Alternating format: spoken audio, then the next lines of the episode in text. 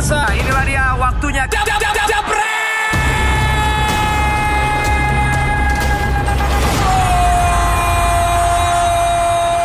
Oke, kembali lagi di Dewan Tani Indonesia sudah bersama Radot Valen, Coach Justin, si Budi Piton nih akhirnya sih legend sekali luar biasa dan ada Bung Binder dan langsung saja uh, Bang Valen sudah tersambung dengan siapa Bang?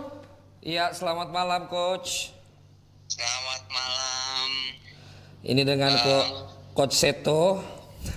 Iya. Apa kabar coach? Baik, sehat, sehat Se- semuanya. Sehat semuanya. Ini kita ada teman-teman di sini nih kan live-nya live YouTube coach. Jadi kita lagi ngobrol-ngobrol di sini ada Justin. Saya nggak bisa bilang coach karena tahu takutnya dia nggak dianggap coach sama coach ya kan. Terus ada Budi Sudarsono. Ah, Budi Sudarsono adik angkatan ya? Budi. Ya, terus ada Binder Singh sama Mario Dilano.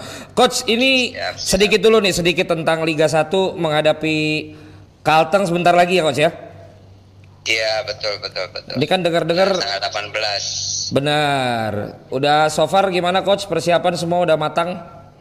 Eh, persiapan seperti biasa. Eh, apa artinya memang kita punya waktu dua minggu. Eh, artinya yang satu minggu itu kita sedikit untuk peningkatan fisik sama eh, memperbaiki apa yang menjadi kekurangan. Terus seminggu ini kita fokus untuk menghadapi Kalteng. Mungkin hanya itu aja sih sebenarnya untuk persiapan lawan Kalteng. Nah, kan banyak yang ternyata menganggap pola pelatihan coach dengan tim PSS ini cocok banget gitu. Memang apa sih yang diterapkan sama coach Seto sehingga banyak yang ngomong begitu coach atau sebenarnya sih biasa-biasa aja, cuman memang hasilnya lagi oke aja gitu coach. Jadi yang terakhir itu. yang terakhir ya? Oh iya. Coach berbeda banget sama Justin ya, dia sombong biasanya. Kalau coach ini rendah hati ya.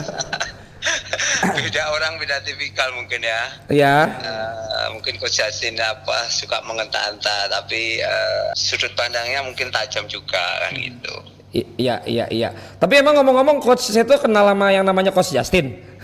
Eh, enggak, baru baru akhir-akhir ini aja. Karena viral di situ baru tahu Coach Justin. Oh ini kan gitu. Iya iya. Tapi sempet denger nggak coach akhir-akhir ini rame gara-gara coach Justin ngomong sesuatu yang membuat kayaknya Instagram coach Seto juga lebih rame di media juga lebih rame gitu. Iya iya iya ya akhirnya seperti itu. Ini gara-gara Coach Justin ini memang sebenarnya.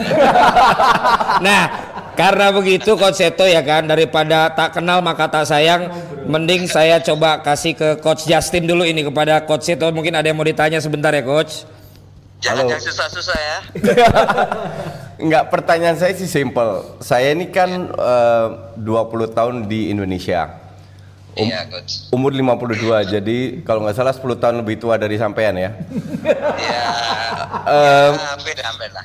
Tapi saya dari dulu Valenta, Valen Binder ini sahabat lama lah. Mereka tahu saya paling nggak suka nonton sepak bola Indonesia. Oke? Dan bahkan timnas pun nggak. Tapi terakhir saya nonton yang namanya PSS Sleman. Saya nggak tahu klub mana itu. Dan saya sangat impress dengan permainannya. Jadi, Nah, ya. ja- jadi gini. Untuk saya, kan saya juga lima tahun pelatih timnas futsal ya. Iya. Kalau di futsal pemain kita kan bukan levelnya Spanyol atau Brasil, ya kan? Iya. Iya. Tapi bukan berarti kita nggak bisa berprestasi. Jadi untuk pela- pelatih itu untuk saya yang penting kita menerapkan strategi sesuai dengan kapasitas pemain yang kita miliki. Oke? Iya, iya, iya. Dan itu pertama kali saya lihat di Sleman dan dulu sempat Persipura eh, zamannya Buas masih ya masih 5-6 tahun yang lalu lah. Mainnya bagus juga.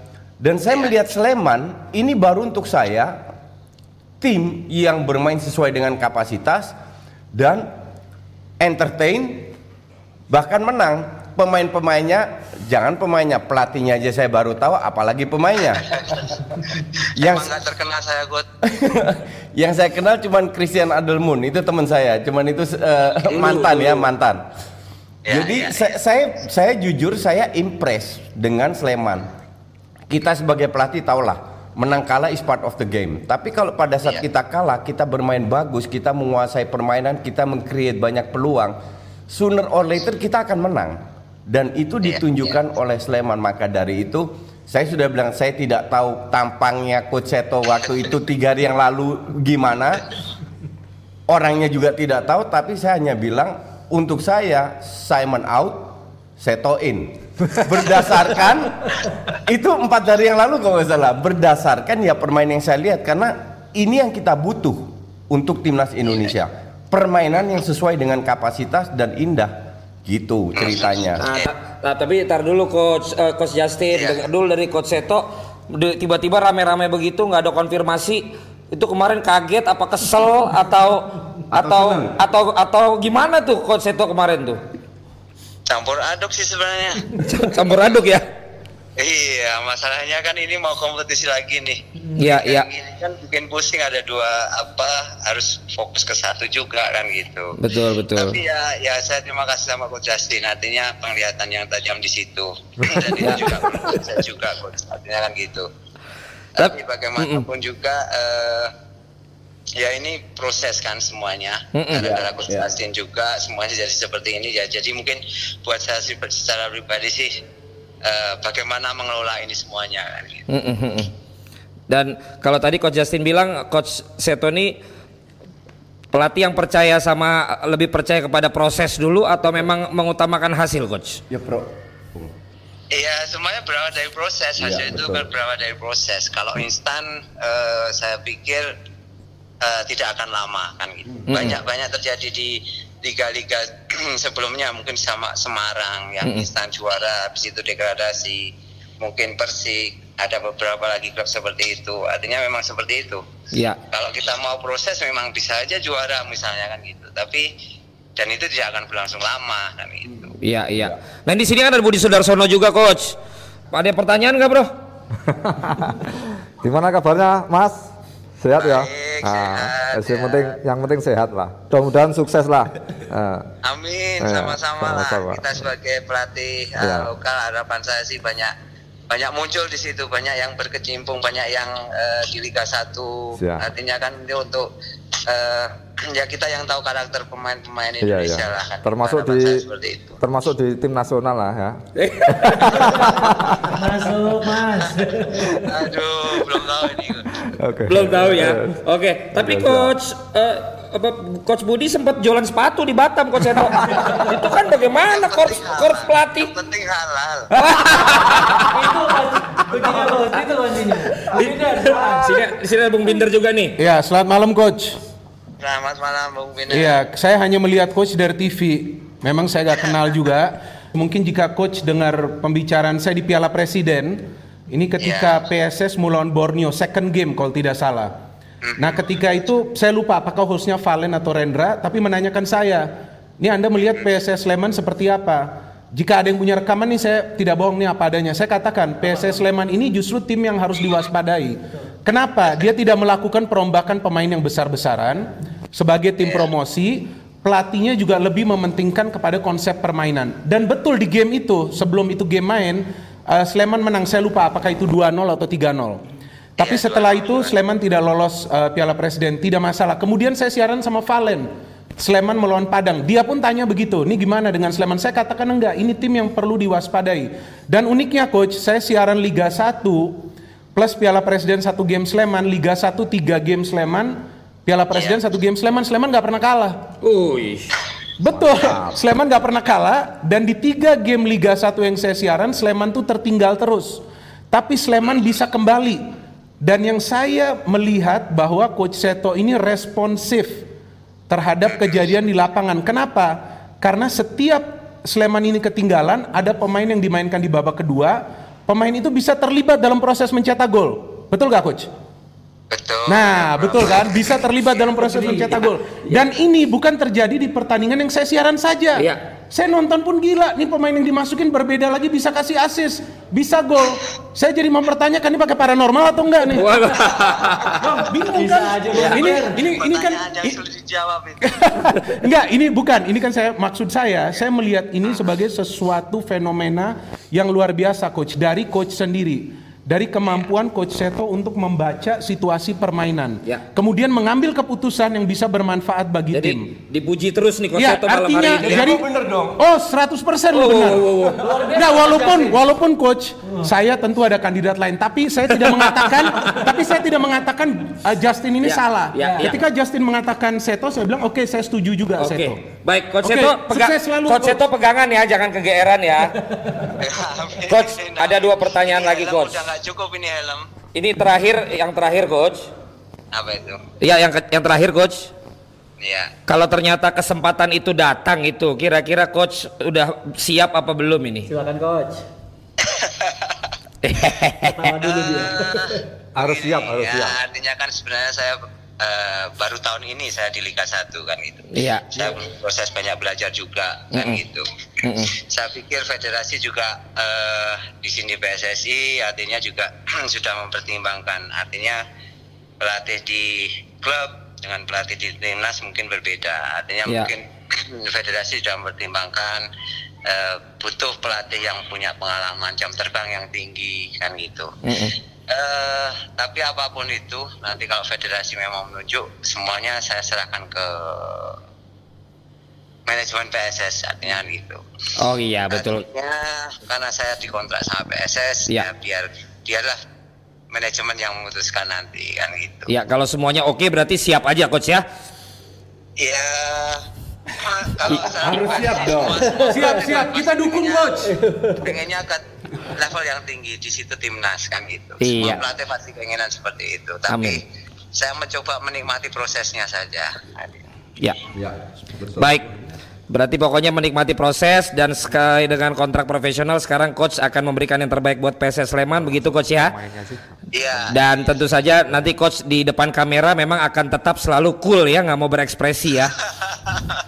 Wajahnya coach Seto ini ketinggalan sama sama gol sama aja. Lempeng ya.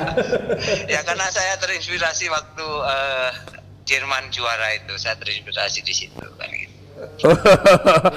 Oke coach terakhir mau disampaikan buat masyarakat Indonesia ataupun mungkin pendukung Sleman atau apa sil- silakan coach. Eh, yang pertama saya ucapkan terima kasih kepada Coach Justin, Coach, em, Bang Binder sama Coach Budi, artinya support yang luar biasa dari sudut pandang yang eh, sangat tajam di situ. Memang Sleman sebenarnya eh, masih perlu proses juga, cara bermainnya juga belum sempurna, ada yang seperti itu. Eh, untuk teman-teman supporter timnas maupun yang lainnya, eh, saya pikir semuanya memang perlu proses. Tapi ini semuanya PR-nya PSSI kan gitu. ya, Eh, bangsa Spanyol itu juga saya dengar mereka itu mau juara itu mempersiapkan 10 tahun yang lalu kan gitu. Ya. Jadi ini memang benar-benar dipersiapkan secara matang, tidak instan kan itu. Jadi harapan saya semuanya mempunyai pikiran yang positif untuk kemajuan sepak bola Indonesia. Mungkin itu aja, Bu. Baik. Terima kasih Coach Seto Nurjantoro sudah bergabung dengan Dewan Pandit Indonesia. Terima kasih ya coach. Coach. Ya, salam sukses. Sukses coach, selamat malam. Terima kasih, selamat beristirahat. Oke, itu dia tadi. Jebreters bagaimana tanggapannya setelah kita interview by phone dengan Coach Seto. Silakan komen langsung. Lanjut lagi nih Bang Valen ya. Dan juga Coach Justin, ada Mas Budi dan Bung Bindar. Kita akan ngobrol-ngobrol dengan salah satu legend Indonesia nih. Waduh, aku deg-degan loh Mas ya. Apa kabarnya Mas? Alhamdulillah. Baik ya. Gua ini kayak makan gaji buta. Kenapa? Dengerin orang ngomong. Lu santun banget ya. Coach hari ini santun banget Coach ya. Kayaknya yang paling sering makan dia. Iya. Ngomong nggak ngomong makan aja. Oke, Eh, Mas Budi, gimana kabarnya eh, untuk sekarang nih? Kan kemarin sempat viral tuh katanya jualan sepatu ternyata kan itu cuman perspektif orang aja nih. Sekarang lagi ngapain? Kemarin saya habis eh, melatih di Batam Hmm. di Liga 3. Makanya itu yang dibilang tawaran ini saya ambil karena saya pengen belajar juga. Ya. Mulai dari bawah terus menengah tapi cita-cita saya tinggi juga. Ya seperti semuanya pelatih lah istilahnya. Cita-cita pelatih dulu saya cita-cita pemain jadi pemain nasional, Ya. pelatih pun juga seperti itu. Jadi pengen juga pengen melatih tim nasional nantinya gitu. Oke. Tapi proses itu yang harus saya lalui. Harus Iya. dari bawah dari sampai bawah, nanti atasnya dari nanti ya. bawah terus step by step. Semoga, semoga. Dan kita ngomongin soal timnas yang memang ini benar-benar ya kita bisa lihat hasil seperti ini kan. Kalau dari sudut pandang Mas Budi sendiri seperti apa Mas? Sebenarnya kalau saya berkomentar tentang timnas itu eh, istilahnya Berapa kali capsnya Mas Budi main di timnas? wah saya nggak nggak apa ya. Banyak ya. ya mungkin aja lah. Berapa gol? Berapa gol? Berapa gol? Saya juga nggak apa. Sombong. Banyak pokoknya ya maksud, striker. maksud gua nanya begitu supaya kalau pesan ini buat anak-anak timnas wajar. Benar. Yang ngomong udah pengalaman duluan Ya. gitu. Dan golnya di event-event besar. Betul. Di Piala Asia dua kali ya Mas. Ya. Betul. Silakan Mas. Ya, sebenarnya kalau ngomongin timnas tuh asik ya, Mhm. gitu asik sekali. Tapi saya jarang sekali untuk nonton. Nah, untuk timnas. Sejujurnya jarang nonton. Sama, jujur, sama, jujur sama. saja ya, saya, saya jarang nonton. Mungkin nonton itu sekilas, habis itu kita. Kenapa? Kenapa mas? Nggak ada waktunya apa gimana? Eh, Bukan mainnya nggak kacrut. Bisa aja Mas Justin bener juga sih. sebenarnya pengen juga kita mau nonton karena nanti itu tuntutan juga sebagai pelatih harus nonton eh, game-game game yang Ya. biar ngingetin dulu Mas. Ini ada golnya nih ya, ini grafik dia dari inget. Jebret Media nih ya. Ada sekitar 46 laga untuk timnas dengan 16 gol di level senior luar biasa. Ya. Ada di junior juga ya. Junior 2 gol ya. Oke. Ya. Nah, terus Mas, kan ini memang sekarang Kenapa timnas males- males kenapa, nonton? no, kenapa males nonton? Apakah memang beda zamannya atau gimana? ya kayaknya apa ya saya jujur kalau mau apa aja ngomong apa aja kalau saya tuh nggak nggak peduli sebenarnya Nggak mau dengerin ya? Nggak Yang mau. penting fokus ya. Iya, saya fokus, Iya. saya fokus. Karena saya orangnya pekerja keras gitu. Iya. Dan saya saya harus bercita-cita yang tinggi, apalagi untuk tim nasional ya. Iya. Untuk tim nasional saya harus kerja keras gitu. Itu. Jadi kalau saya kalah, mending saya nggak keluar dari hotel istilahnya daripada saya malu sendiri. Iya. Sebenarnya nggak masalah sebenarnya. Cuma dalam hati itu kayaknya kita agak malu sendiri gitu kan. Itu itu seperti itu. Kalau kalah nggak mau keluar hotel, nggak mau Ya. lihat koran dulu ya. Ya. Kalau sekarang kan kalau kalah pemain tuh nggak mau lihat Instagram gitu ya. Komen tiba-tiba banyak, tiba-tiba apa? Yang gue lihat di sini, Apa, Coach mungkin gue salah ya. Iya. Waktu gue pelatih timnas 2005 sampai 10 sampai 9 itu pemain gue dulu Pemain du- duit pemain timnas itu duitnya kecil banget. Jadi sama fighting spiritnya itu luar biasa. Luar biasa. Mereka itu benar-benar main untuk merah putih. Merah putih. Dan kalau gue ngelihat pemain-pemain sekarang yang di timnas beda. Exposure-nya udah bukan lagi ke lapangan mungkin, coach atau Enggak, seperti apa? ja- jadi mereka di endorse oleh Nah, itu brand. gua. Jadi Iya. tiap berapa minggu mereka harus. Ini sebenarnya nggak salah, cuman udah sangat berbeda sekali. Dan gue pertanyakan, apakah jiwa merah putih itu masih ada? Itu dia, Jebreters quote malam ini ya dari coach Justin. Enggak, kalau gua Iya. melihat yang Apa, tadi uh, Mas Budi katakan soal naturalisasi, ini ada poinnya. Bukan saya anti naturalisasi Ya, ya, ya. tapi ada poinnya yang memang Ya. perlu kita pahami. Saya menyaksikan timnas ini mulai 97, Henggu Lems. Itu pertama kali saya menonton timnas. Ada pemain-pemain ex Primavera, ada pemain senior yang dimainkan di sana. Itu bermainnya, tahu bagaimana? Itu sebagai satu unit, maju sama-sama, mundur sama-sama. Betul nggak? Iya. Setiap tim ini pokoknya dihajar lah, dibantai. Kita lihat cara permainan mereka. Mungkin kita tidak akan menyangka bahwa ini yang bermain timnas Indonesia 97. Kemudian kita naik ke era tahun 2000-an. Ada Mas Budi yang masuk. Bisa mencetak gol di dua event. Kita melihat atau tidak ada pemain naturalisasi di sana. Kita bisa membuat kejutan. Satu, kita bisa mengalahkan Qatar yang membuat pelatih Qatar yang sebetulnya memang sudah akan mengundurkan diri. Dipecat. Setelah game itu, udah lu selesai aja lah di sini pekerjaan. Itu impact yang besar Philip Trusier ketika itu. Terus kita masuk ke Piala Asia 2007. Oke, kita memang tidak melangkah jauh. Tapi lihat semangat, lihat cara bermain. First game itu saya bolos kerja hanya untuk nonton kalau tidak salah itu jam setengah empat atau jam 4 mainnya. Saya nonton, saya tuh lihat spirit para pemain itu luar biasa, menggebu-gebu. Walaupun mungkin dia menembus pertahanan lawan ini susah, Iya. tapi dengan fighting spirit ini dia bisa menyatukan permainan di atas lapangan. Itu dia. Gue kan nggak begitu ngikutin ya. Gue Iya. tanya, waktu zaman itu, itu kita ikut Piala Asia, itu lewat kualifikasi atau karena tuan Yang rumah? 2004 kualifikasi. ya? Kualifikasi. Kualifikasi. Kalau kita lihat sekarang, Apa gimana coach? jangan kualifikasi. Kualifikasi ikut Piala Asia udah mimpi. Sekarang ini, iya, sekarang iya, ini, iya, iya. sekarang, sekarang, ini udah levelnya Kamboja. Tuh, Lawan Myanmar pun belum tentu menang. Iya. Jadi, lu tahu how deep have we sink? Mhm. Hancurnya, ngedropnya itu bener-bener dalam banget. Udah terlalu dalam coach ya? Udah terlalu dalam sampai Piala Asia nya hanya mimpi. Hmm. Mengikutin, mengimbangin Thailand, Filipina aja nggak usah juara AFF lah. Masuk empat besar aja gue rasa sekarang juga susah. Lawan Malaysia di kandang kalah. Hmm. Kandang my friend, kandang.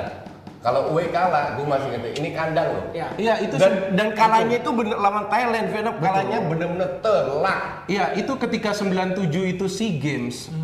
Saya melihat ini tim bukan tim Indonesia yang main dari cara bermain. Kalau tempo hari lu nonton itu, lu bakal bilang gila men ini mah jiplakan tim Belanda. Karena pelatihnya memang itu ada Lo bisa Belanda. ngomong gitu, Bung Binder? Bukan soal gue bisa ngomong gitu kan gue nonton. Kenyataannya seperti itu kan? Iya, Iya. maka itu kan ini kan bukan bohong-bohongan. Memang gue nonton timnas pertama 97. Ah. Gue siaran Liga Indonesia tuh pertama 2007. Iya. Ada siaran satu pertandingan saja Mas Budi Persik, saya lupa lawan siapa yang tadi saya cerita. Menang 3-1, ada cetak satu gol. Cara permainan para pemain ini sebagai satu unit itu yang saya katakan. Dia maju nih, dia turun sama-sama sama-sama lagi. Jadi tim lawan ini gimana mau kalahkan? Dia ini terlihat sebagai satu unit. Itu, itu kemarin da- dalam bukan kemarin aja beberapa match itu gue nggak ngeliat. Ya, itu juga yang gua nggak lihat. Gue tidak melihat turun bareng, menyerang bareng sehingga gue bilang jarak antar pemain ini terlalu jauh. Jauh. Jadi yang pegang bola kadang bingung harus mau ngapain Iya. gitu. Nah makanya gue pertanyakan apakah itu salah instruksi Iya, atau itu pemainnya aja yang males turun? Oke. Kan nggak tahu kita. Tapi Ini, coba tapi gini, kalau tapi saya, dari- saya garis bawahi lagi ya. Iya. Saya nggak juga nggak anti dengan dengan Iya. naturalisasi sebenarnya. Cuma cara pemanggilannya aja. Ya, Yang seperti apa? sekarang yang saya lihat kan naturalisasi yang kita ini kan sudah udah umurnya Umurnya sudah terlalu ti- ti- terlalu ini. tiga Udah 35 terlalu plus. tidak ideal ya? Ya, tidak ideal. Mending kalau kita mau mau naturalisasi yang bagus, yang di bawahnya 30 lah. Iya. Mungkin mungkin Kayak- 25. kayak Mark Klok, Iya. 25, cocok. 25. ya. Nah, tapi untuk kan untuk untuk tim nasional sebenarnya. Iya, betul. Sebenarnya kalau untuk tim nasional itu mau siapa aja yang main, pengen kita tim nasional bagus. gitu. Tidak masalah siapa aja yang Iya, main. betul, betul. Mau naturalisasi mau apa mau Iya. lokal itu nggak masalah Iya. sebenarnya. Yang penting tim nasional, tim nasional itu bagus. Kita Seperti itu itu. itu. Dan itu. siapa pun pemain naturalisasi itu harus bisa menyatu Ya. permainannya. Beradaptasi lah. Beradaptasi menyesuaikan diri mungkin saja skill mereka memang berbeda. Iya. Tapi spirit mereka harus sama. Nggak, bukan bukan spirit dalam uh, hal lain non teknis tapi spirit dalam permainan. Saya mengatakan on the pitch. Iya. Sama-sama ini semua nih. Ya kan bagaimana caranya menyatukan ini? Tadi Coach Justin katakan instruksinya seperti apa? Itu Ya. yang saya kan juga kita ini kan nggak tahu nih apa yang terjadi, Nggak, di mana kan- kan- terjadi itu. Karena gue lihat gue tadi bahas uh, off air sama Mas Budi, gue bilang memang pemain kita itu bukan levelnya Van Dijk, Messi, Ronaldo, Ya, oke? ya. Tapi kita punya pemain yang memiliki spesifik kualitas. Ya. Contoh Rico, speed, ya kan? Nah ini kualitas ini gue lihat tidak dimanfaatkan Dengan maksimal. dengan maksimal. Ya. Jadi ibarat ini strategi gue, ini pemain-pemain yang gue pilih, lu main aja. Ngerti nggak? Nggak ada- Justru pelatih itu harus bilang, Rico, Lo eh, mainnya harus nggak, gini." Ri- Rico kan punya speed, Ya. sama Andi contoh. Artinya apa? Bagaimana kita bisa memanfaatkan ini ini contoh aja ya. Ya. Bagaimana kita bisa memanfaatkan speed, oke? Caranya kita harus create ruang 15-20 meter depan gawang lawan. Ya. Caranya gimana? Turun pada saat striker kita turun, lawan pasti ikut dong Ya. defense-nya. Pada saat itu create baru kita kasih true pass atau long ball di mana di mana lawan melakukan lawan depan. Vietnam, Ya, lawan begitu. Arab kita Exactly. jebolnya juga lewat Exactly. situ. Memanfaatkan ruangan. Nah, ini yang maksud gue yang gue tidak lihat gitu Ya. loh. Kalau mereka pun parkir bis, lawan parkir bis nggak masalah. Oke, coach. Lu masukin dua striker yang yang yang tinggi lah ka- Siap. ka- kasarnya begitu. Oke, coach mohon izin, gua potong dulu sama Bung Binder. Gue pengen tanya dari eh, Mas Budi sendiri. Iya, iya. Eh, timnas sekarang sama timnas yang di eranya Mas Budi. Hmm. Mas Budi melihat apa sih yang hilang di timnas yang sekarang ini se- seperti apa, Mas? mungkin apa namanya kayak spiritnya ya apa Ya, namanya semangatnya. semangatnya Ah. ya kalau saya lihat timnas sekarang dari zaman saya dengan sekarang itu yang sekarang itu menurut saya itu pemain yang top menurut saya Ya. yang paling bagus daripada yang zaman zaman saya dulu Hmm. itu tapi kan mungkin karena spiritnya kurang jadi Iya. hasilnya dia tidak Nggak bagus. maksimal, iya. Betul. Kalau Setuju. saya dulu, dulu memang kita pemain nggak ada yang bintang istilahnya, sama-sama lah. Iya, kita mau sama-sama. bekerja semua. Betul. Tapi dengan spirit yang tinggi, akhirnya prestasinya agak lumayan. Ya dan Iya kan? spirit itu dalam permainan, Iya. menyatukan permainan. Kita tidak bicara soal spirit nasionalisme, tentu para pemain naturalisasi ini sudah membela merah putih. Betul. Mereka tentu akan bermain untuk Indonesia, tapi Sebagai kesatuan 11 sebagai spirit, orang. saya mau ngomong permainan loh. Iya. Spirit Permainan, permainan ya. ini bagaimana Permainan, nih ya. kita bisa menyatu? 11 orang. Iya. Itu yang saya kembali lagi ke poinnya Coach Justin. Nggak ini beda. seperti Lu- apa? Lu Ya, kalau yang Iya. kalau lu gue lima tahun dua setengah tahun Ah, dirtek, Dirtek, lima, oke. tahun, lima tahun head coach timnas futsal. Oke. Tiap kali gue nyanyi Indonesia Raya itu tersentuh. Betul, udah pasti. Pasti, itu Kak, berikut ke pasti. gue juga. Dan lu jangan salah sangka, gue ke Indonesia itu tahun 99, gue Iya. tidak hafal Indonesia Raya. Sekarang Sekarang udah apa? Sekarang harus. coba coba coba. Coba, coba. Dikit doang coach. dengerin dulu. Jadi gue itu belajar nyanyi Indonesia Raya karena gue jadi pelatih timnas. Betul. Karena kita harus ikut. Iya. Dan sudah puluhan kali gue di menyanyi Indonesia Raya itu gue gue Yeah, dan pemain-pemain gue tersentuh. That's why orang gue tidak bisa menjelaskan fighting untuk merah putih itu seperti apa. Dan itu gue tidak melihat di generasi sekarang. Oke, Ja, lu ngomong apa lu sebagai pelatih? Nih lu nanya dia, gue sebagai komentator gimana? Kursi udah gue banting, Heeh. meja udah gue gebrak. Lu ada apa lagi, Bang? TV mau gue buang mahal. udah itu udah ada orang ya gue siapin SP nih. Ini kan netizen juga tahu bagaimana gue tuh kalau siaran timnas. Bahkan ketika timnas kalah melawan Uni Emirat Arab di penalti itu hari bro, ini gue ya kita kan nggak boleh ngomong ini ya. Pokoknya gue ya? ngomong jujur lah ya. Iya. Itu gue gak makan malamnya. Percaya gak percaya? Kita selesai kalau nggak salah hampir jam 9 Gue siaran sama Rendra, suara gue habis Gue capek, gue pulang rumah bikin apa? HP gue matiin? Tidur Udah Tapi Dan itu gua- nyata, gue tidur langsung Tapi gue ada pertanyaan nih coach ya tang- temen-temen apa dari tadi kan ini pengamat, nih coach tapi coach juga coach futsal kan. nah, lo ngomong nasionalisme segala macam angkatan lo BP sendiri bilang kalian angkatan yang gagal juga sebenarnya. Iya sebenarnya. Karena iya. nggak ada gelarnya juga, Ya. makanya berharap adik-adiknya bisa punya gelar kan Ya, gitu. itu. Nah, harusnya. zaman juga udah berbeda dan gue yakin semua tetap merinding nyanyi Indonesia Raya. Pasti. Yang pengen gue tanya, lo kan sebagai pemain ini Ya. kan pengamat dan di luar lapangan, apa sih yang sebenarnya nggak segampang dia dia orang pada ngomong? Apa Gitu yang buat pembeda pengamat ketika- pengamat ya. nih bisa untuk Ngomong bilang apa aja? "Saya lihat ini salah pemain kayak nggak semangat kenapa ada jeda? Mungkin lu dari sisi pemain lu nggak mau begitu Iya. tapi di lapangan begitu. Nah ada faktor-faktor apa sih menurut Iya. Mas Budi? Misalnya X-nya. ternyata tidurnya nggak benar Makanya kurang teratur. makannya nggak teratur atau juga misalnya udah nggak cocok sama pelatih atau ada kubu-kubuan nih orang Jawa nih orang Batak nih orang Sulawesi enggak. biasanya apa di dalam tim yang membuat jadinya nggak nggak maksimal gitu Gak menyatu mas. Hmm. Ya. bro Ya mungkin kalau yang lo alamin Ya, mungkin karena apa ya? Apa karena ya itu tadi yang kubu-kubuan, kadang ada juga seperti itu. Tapi pernah ada? Ya, pernah Pasti ada. ada. seperti itu. Pasti Pasti ada ada. seperti itu. Iya, begitu. pasti Sama ada juga. itu. Iya, Ya, sama. itu kan eh, pengaruh besar lah sebenarnya, pengaruh besar ke ke permainan. Nah, Apalagi kalau ada eh, apa namanya ada slack antara teman itu kan pasti ada Iya, pengaruh pasti ada. besar. Ya pasti besar.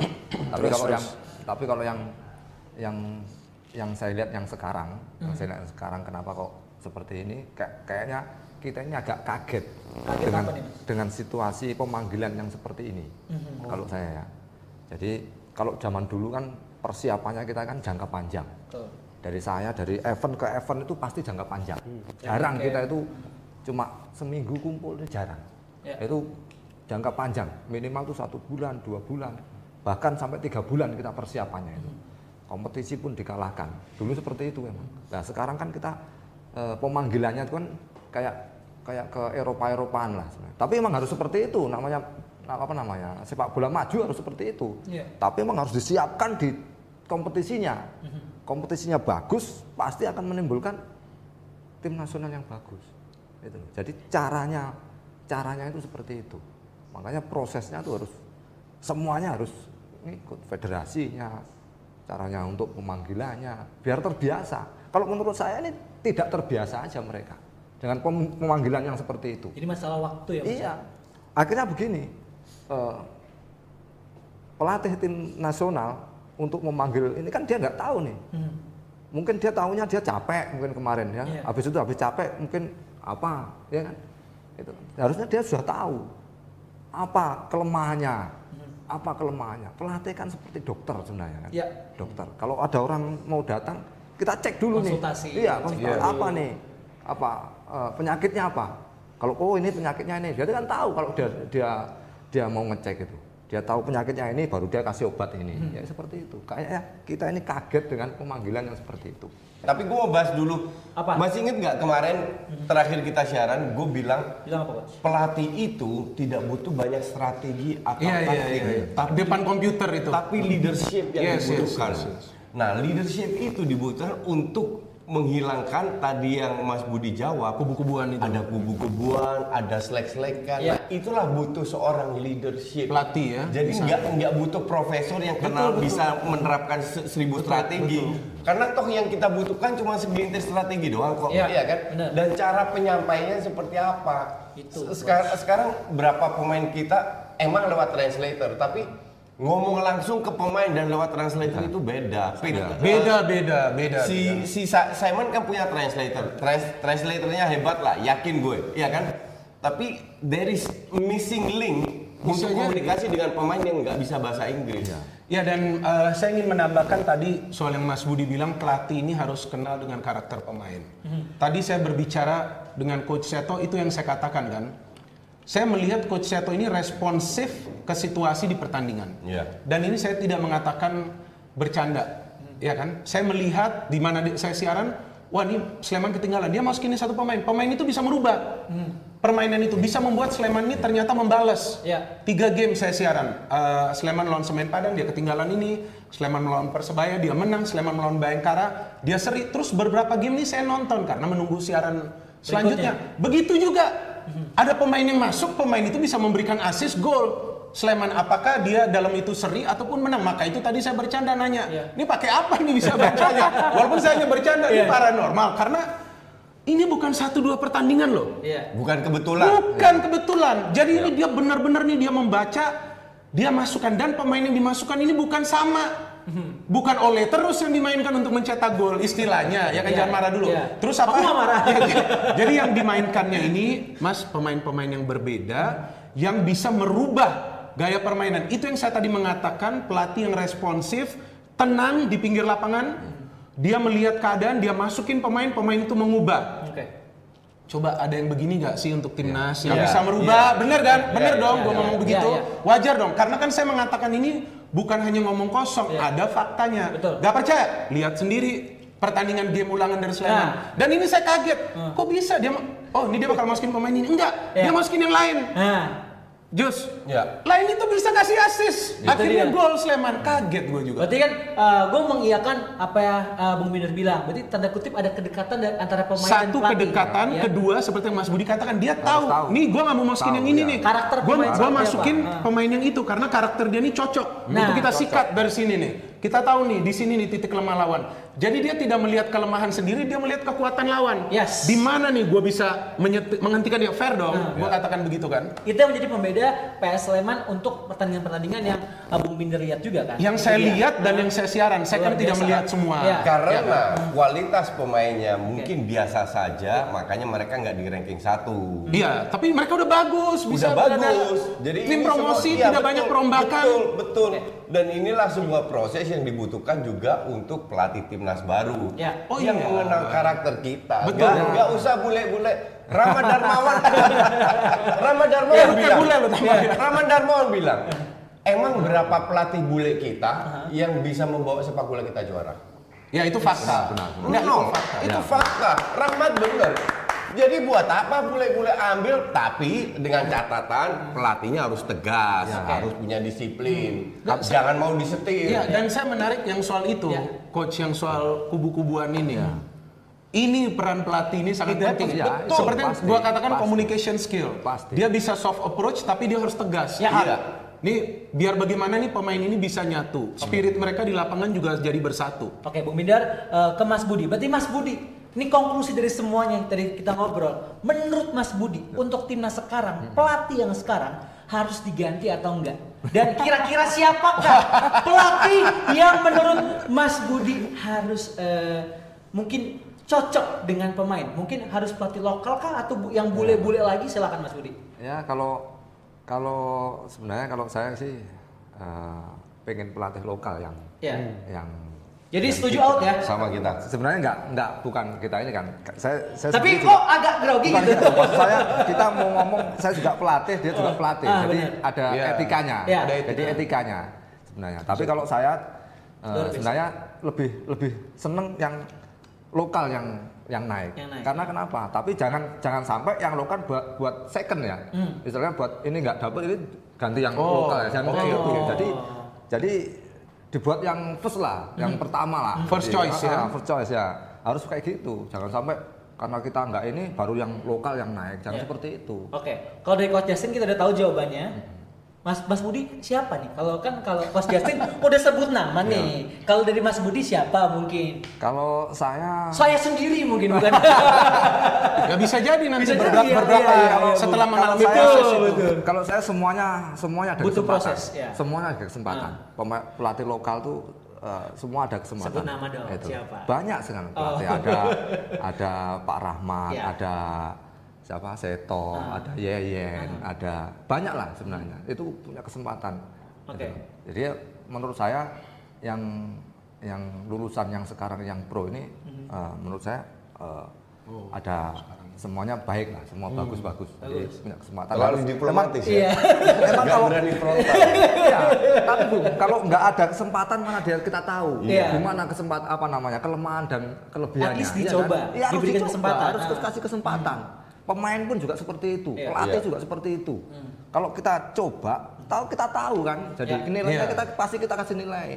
Tapi kalau belum belum pernah menjabat, terus kita nilai, Kita nggak tahu. nggak bisa, Iya. iya kan? Seperti Jadi, itu. jadi yang penting sekarang adalah yang menyeleksi Ya. dari Yang menyeleksi pelatih. yang menyeleksi calon pelatih. Itu caranya seperti apa? Kalau biasanya? Gue gue kan lu tahu anti mainstream, Iya. ya kan? Jadi yang gue lihat itu leadershipnya. Mhm. Jadi kalau pelatih datang, ini ini pernah saya lakukan.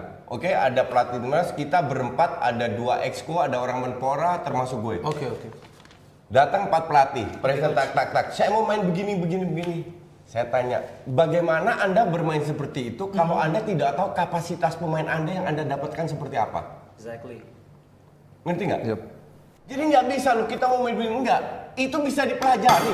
Itu hanya sebuah produk. Strategi itu bisa dipelajari. Delano aja bisa. Iya. Ngerti nggak?